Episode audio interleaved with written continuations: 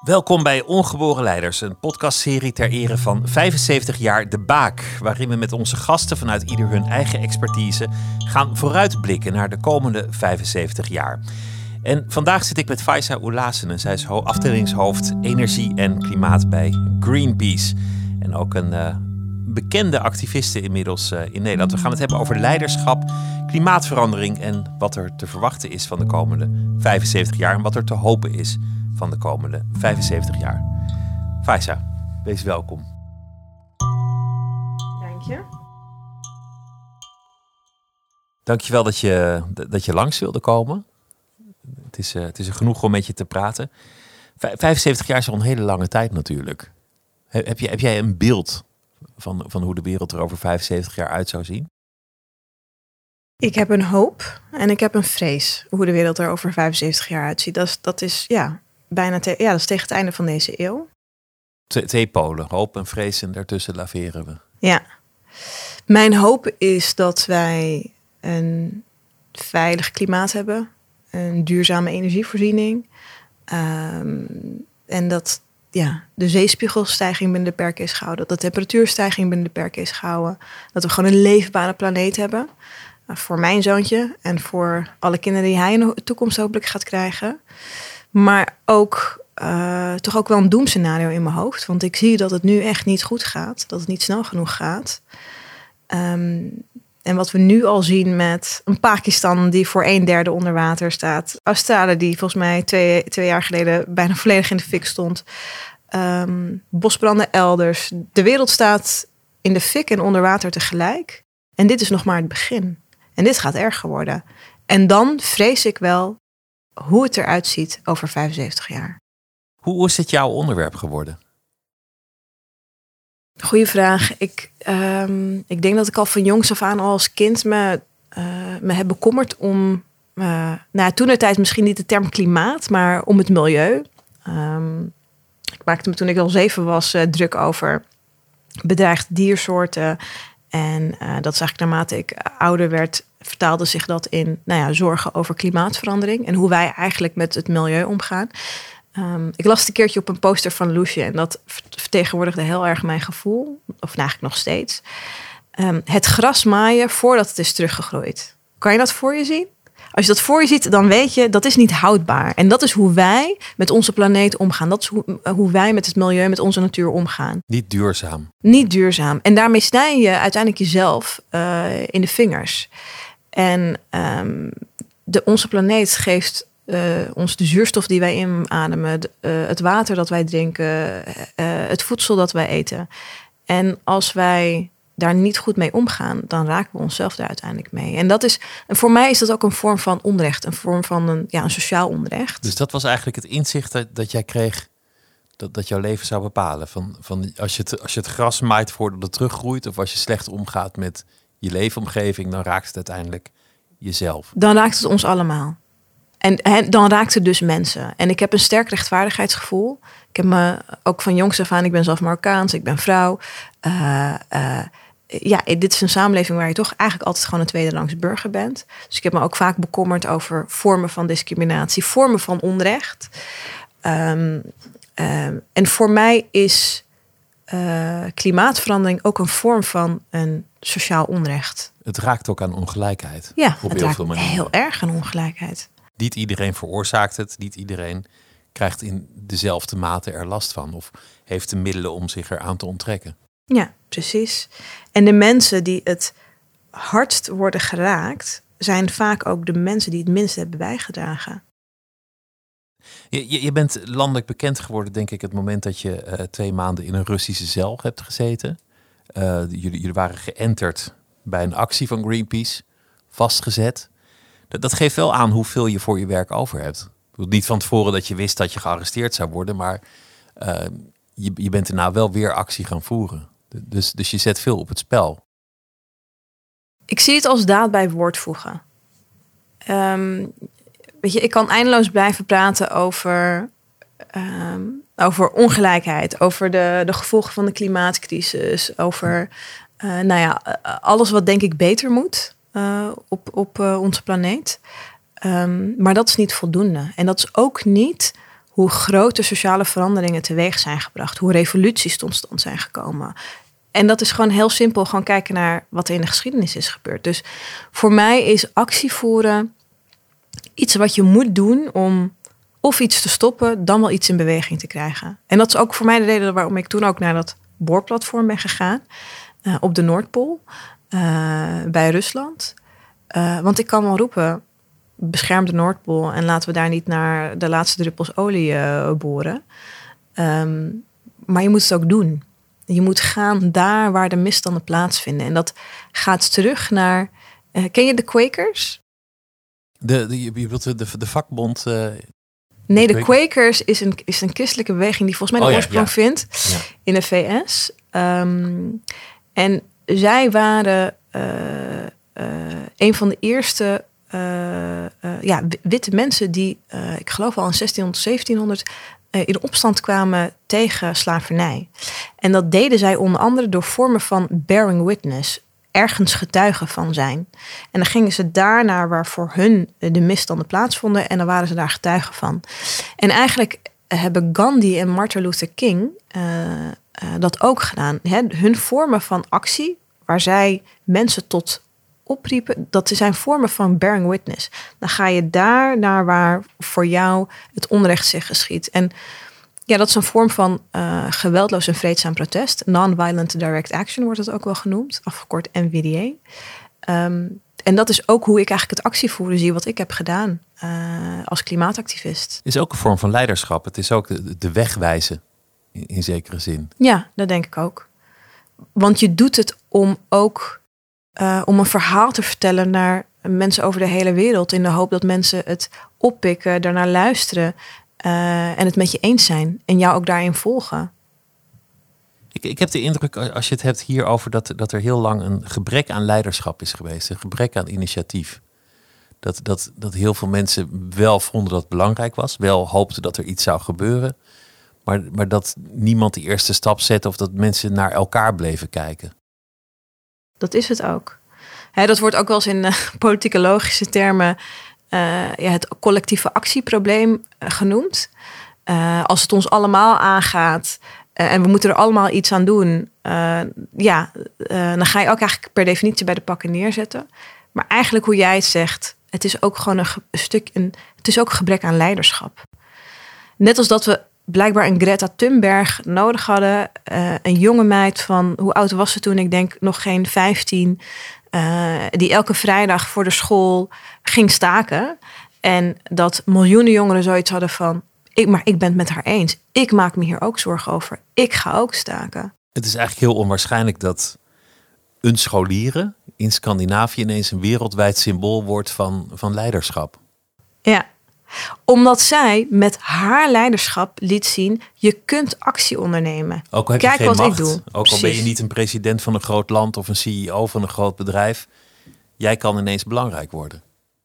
En daarbij ook mensen mobiliseren. En dat is misschien leiderschap um, voor mij. Um, leiderschap is uh, het vermogen om mensen te kunnen inspireren, mensen mee te kunnen nemen en vooral mensen te kunnen mobiliseren om die mee te krijgen. In actie te krijgen, ja. bedoel je? Nou ja, ja, met mensen mobiliseren, dat is misschien nog, ja, misschien nog wat meer abstractere term, een bredere term, maar het komt uiteindelijk neer op mensen in actie krijgen, op wat voor manier dan ook.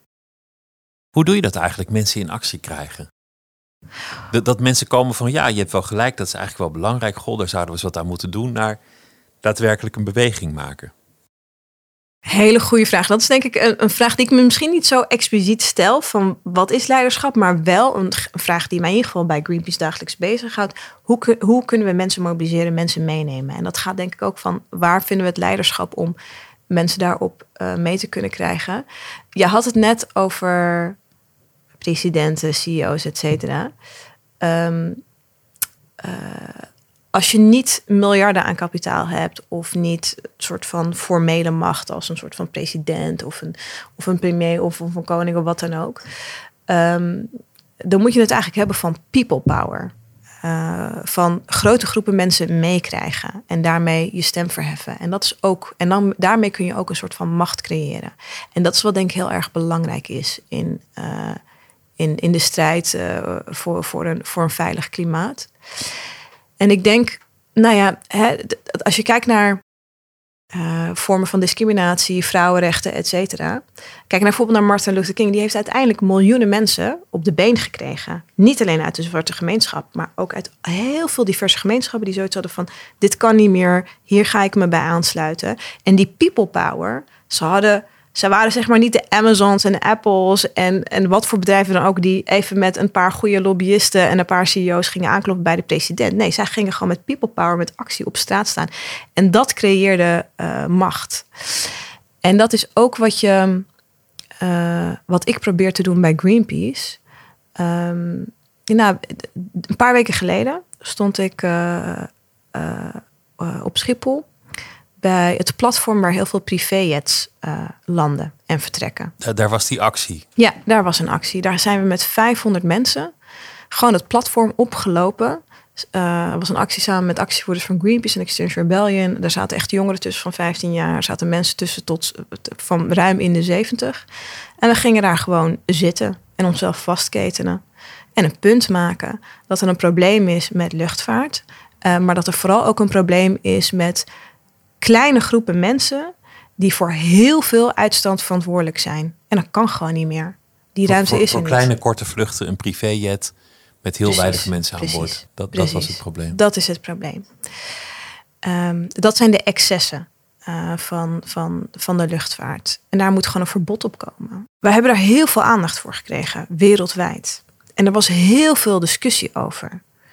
Er was discussie op social media. Er, was, er waren zelfs opiniestukken in, in, in, in media in India, maar ook in de VS. En dat ging heel erg over: um, moet dit kunnen? Deze vorm van actie gaat dit misschien niet te ver? Maar ook over.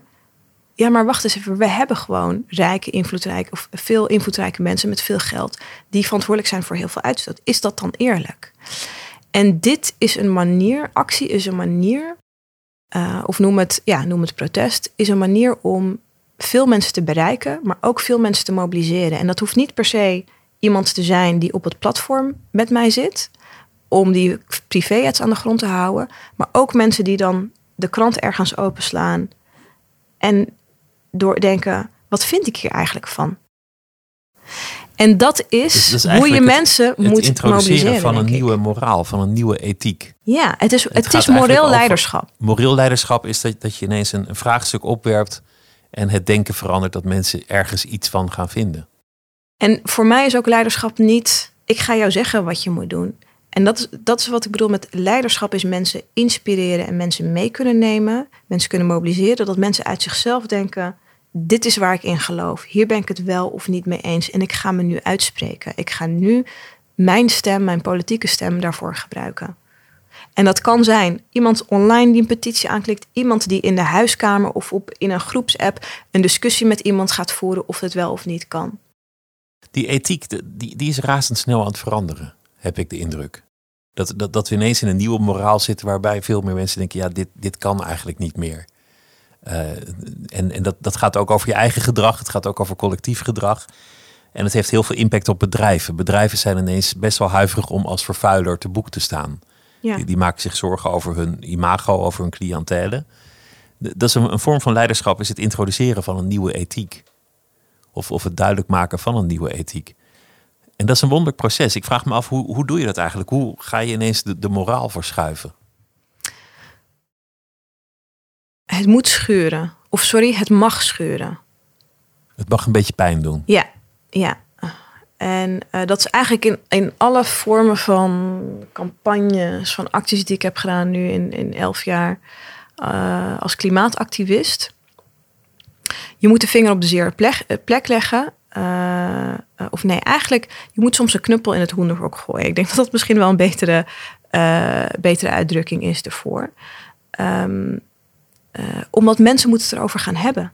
Mensen, zoals ik al zei, of het nou in de woonkamer is, in de bus, in de trein, uh, dat jij en ik hier nu een gesprek voeren. Wij moeten dan gaan praten over wat gebeurt er in de wereld en vinden we dit oké? Zijn we het ermee eens of niet?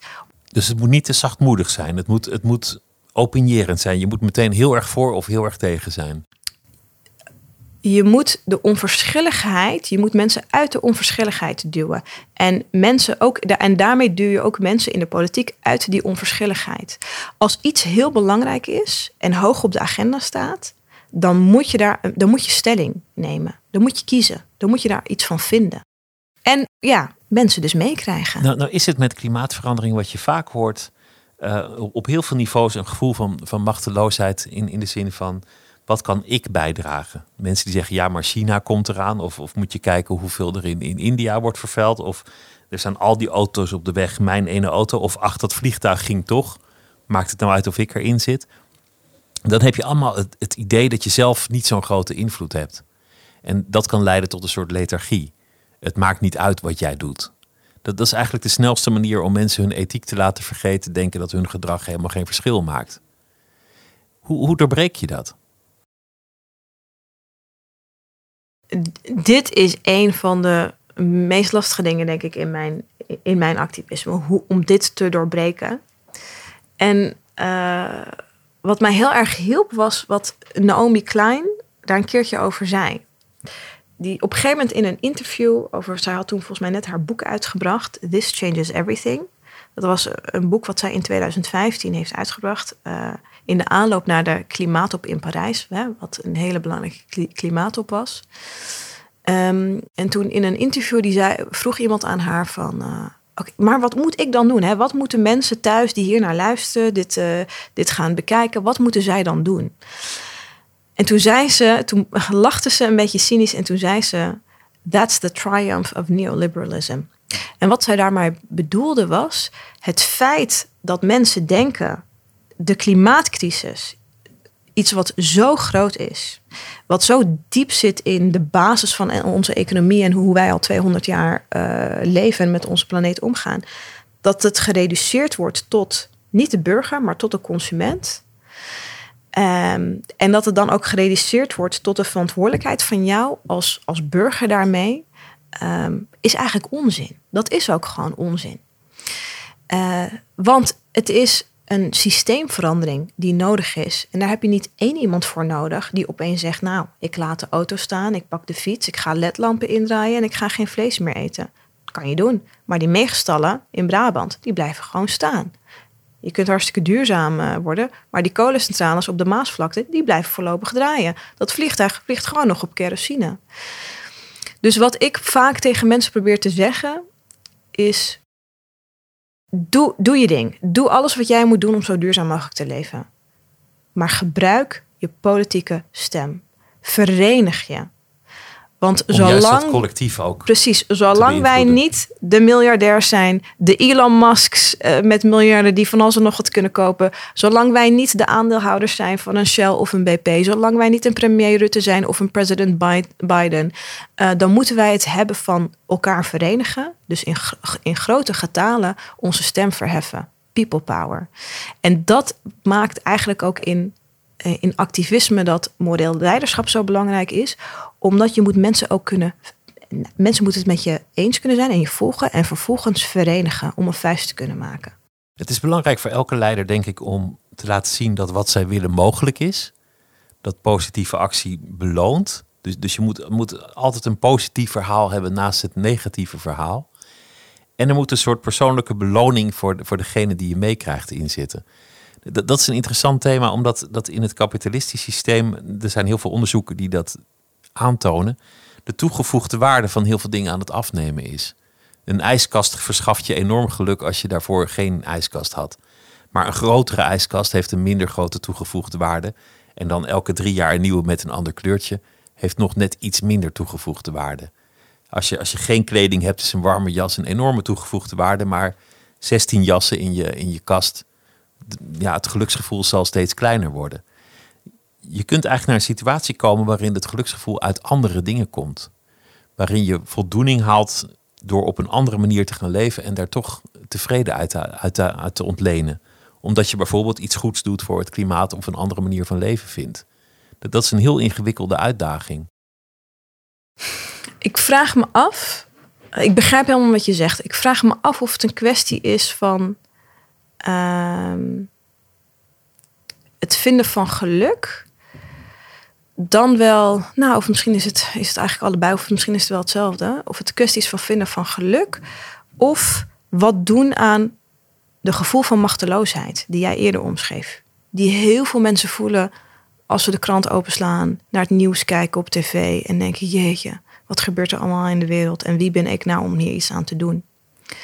En wat ik zie bij activisme, klimaatactivisme, maar ook andere vormen van activisten, activisme, is dat het ehm, een gevoel van machteloosheid weg, wegneemt bij mensen.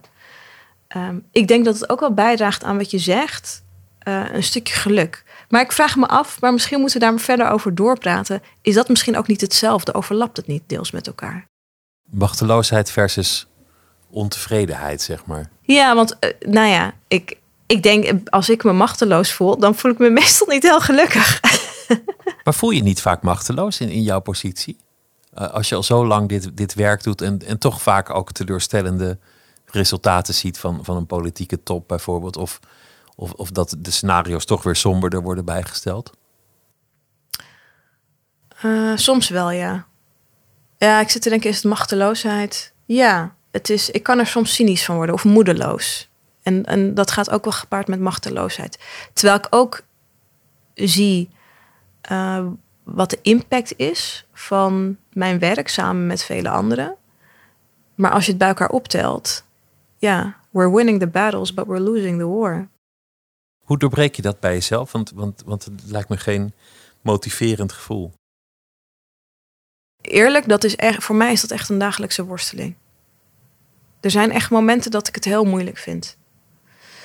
Um, er zijn meerdere manieren hoe ik dat doorbreek. Uh, nou, er zijn veel mensen met mij die zich inzetten voor het klimaat als ik uh, elke dag opsta en ik uh, praat met mensen uit mijn team, dan geeft het mij ontzettend veel inspiratie en energie. En dan denk ik, met jullie kanjers doe ik dit elke dag. En dat geeft mij heel veel hoop. Maar ook als ik, ik ben nu sinds, sinds twee jaar moeder. Als ik naar mijn zoontje kijk en ik heb het wel met mijn partner over nou, hoe de wereld er dan over 20, 30 jaar uitziet als hij volwassen is. Dan krimpt, mijn hart in één. En dan denk ik, dat is voor mij ook reden om, hoe machteloos ik me ook voel, hoe cynisch ik er ook van worden, ik wil er alles aan hebben gedaan. En als het niet lukt, dan kan ik hem recht in de ogen aankijken als hij later groot is en zeggen dat ik er alles aan heb gedaan om het tijd te keren. Want hij is er nog over 75 jaar en hij zal die scenario's die je eerder schetste. Het is zijn toekomst ik ga het ook meemaken. Tenminste, tenzij ik straks onder een bus terechtkom of, uh, of opeens ziek word. Maar ik ben nu 35, ik ga het ook meemaken. Maar het is vooral ook zijn toekomst. Dus het is, ik, ja, als mensen tips hebben die hier naar luisteren, hoe ik hier ook mee kan dealen. Het is ook al een stukje klimaatdepressie. Ik, ik worstel er ook mee. Ik heb ook niet altijd het antwoord. Maar kijken naar je kind lijkt me een heel motiverende factor. Ja, met heel veel urgentie. Als als je de hoop verliest, dan, dan ben je echt verloren. Dan zijn wij met z'n allen verloren.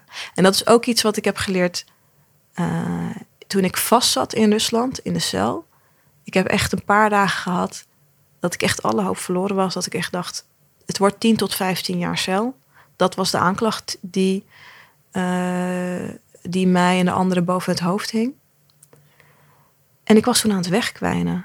Ik zat onder een dikke zwarte deken ik kon ook helemaal niks meer. En op een gegeven moment, maar na een paar dagen, ik werd toen op een gegeven moment naar het politiebureau gebracht en ik sprak toen met een aantal anderen met wie ik vast zat en met mijn, mijn, met mijn Russische advocaat. En toen draaide ik opeens. Uh, toen klim klom ik uit dat diepe dal en dacht ik: oké, er kan alles gebeuren. Ik kan morgen uh, vrij worden gelaten. Ik kan over twee maanden worden vrijgelaten. Over een jaar of over 15 jaar. Ik weet het niet. Maar ik ga er gewoon alles aan doen om hier zo goed mogelijk uit te komen en om te overleven. En dat gaf mij hoop. Dat je zelf en toen kon ik precies. En toen kon ik ook die periode doorstaan.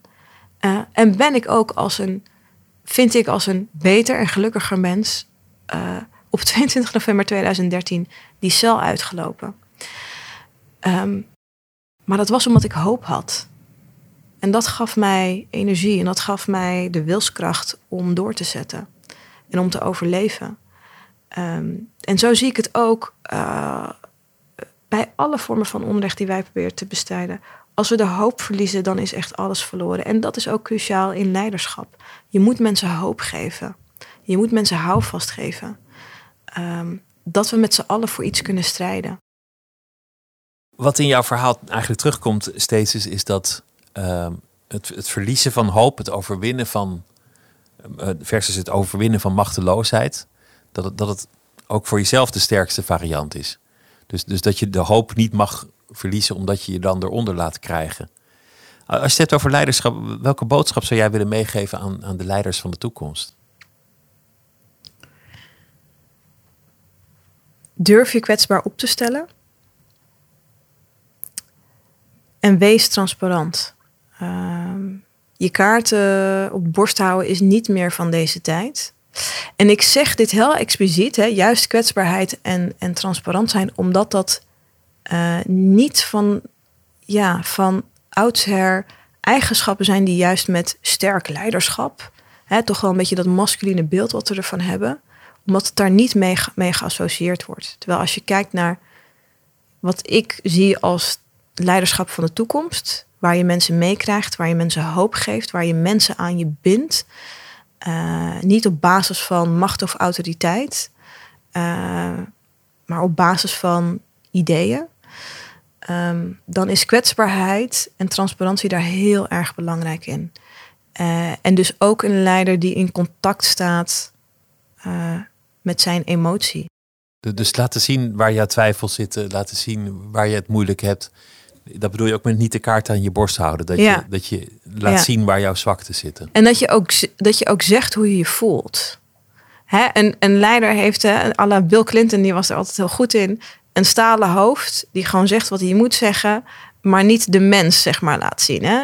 Um, uh, en weet je wie dat heel goed doet?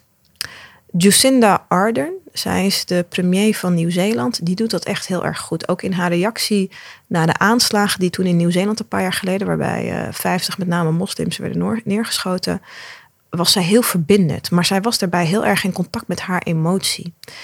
Zij was niet de type leider die toch wel à la Macron of ja, andere cliché, toch wel cliché en zeggen: Ik kom nu met hele stoere taal en aanpakken en depressie.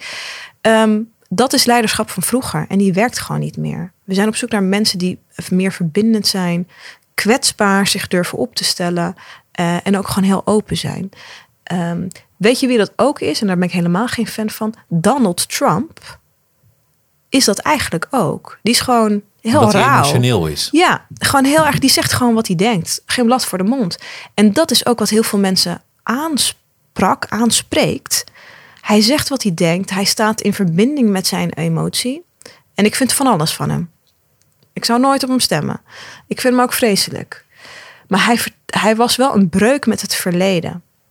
Net als dat Jacinda Ardern ook een soort van breuk is met eigenlijk ja, alle leiders waarmee wij toch wel een beetje zijn opgegroeid. Dat gaat dan eigenlijk over, over een soort waarachtigheid. Dat mensen denken, als je dit laat zien, dan zal het andere ook wel kloppen. Dan, dan ben je kennelijk oprecht ja. of open. Ja, dus ook echt authentiek.